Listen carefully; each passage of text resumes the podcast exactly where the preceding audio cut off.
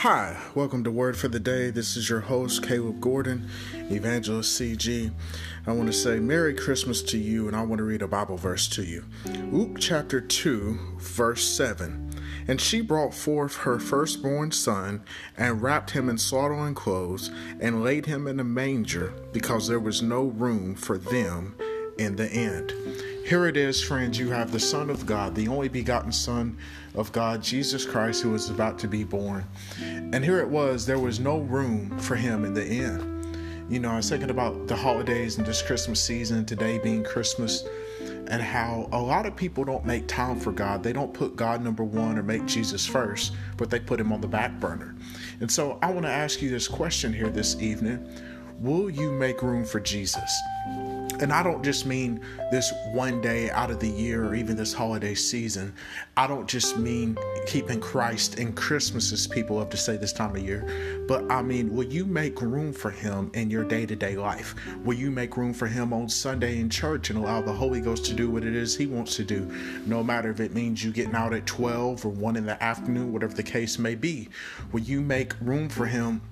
In your day to day life, when you go into the prayer closet and shut the door behind you, would you set aside time for the day to where you're just spending one-on-one time with God in prayer and uh, and in fasting and being in His Word and meditating and thinking about the things of God and the kingdom of God. The Bible says in the book Colossians not to be thinking about things on the earth, but to be heavenly minded. You know, set your sights, your your affections, and and and your mind on things that are above um, which is the kingdom of God. And so I just want to encourage you all here today to make time for Jesus, make room for Him. Um, you know, He came to this earth to die on the cross for our sins. He was born and, and grew up and died and resurrected three days later, ascended to heaven and sat down at the right hand of the Father, all so that we can have relationship with Him. It's an amazing thought to think how God is eternal. He has always been around. He has always been God. And the one thing that God wants from us, two things really, is He wants uh, our praises. The Bible says He inhabits the praises of our people.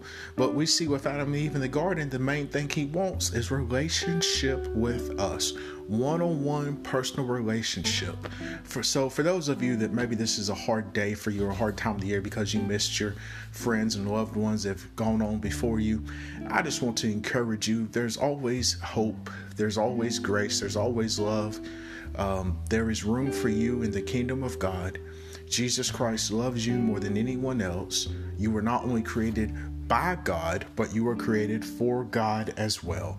And I just want to encourage you as we get ready to head into the brand new year 2019 to make room for Him. We are all innkeepers and we must make up our minds will we make room for Jesus or not. The Bible says in the book of Revelation, Behold, I stand at the door and I knock. And if a man hears my voice and let me in, I will come in and stay with him and him with me. My friends, that is a promise. And the Bible says he's the same yesterday, today, and forever. Amen. He is God and he changes not. Again, I want to say this is your host, Caleb Gordon. This is your word for the day, and Merry Christmas. Thank you, and God bless.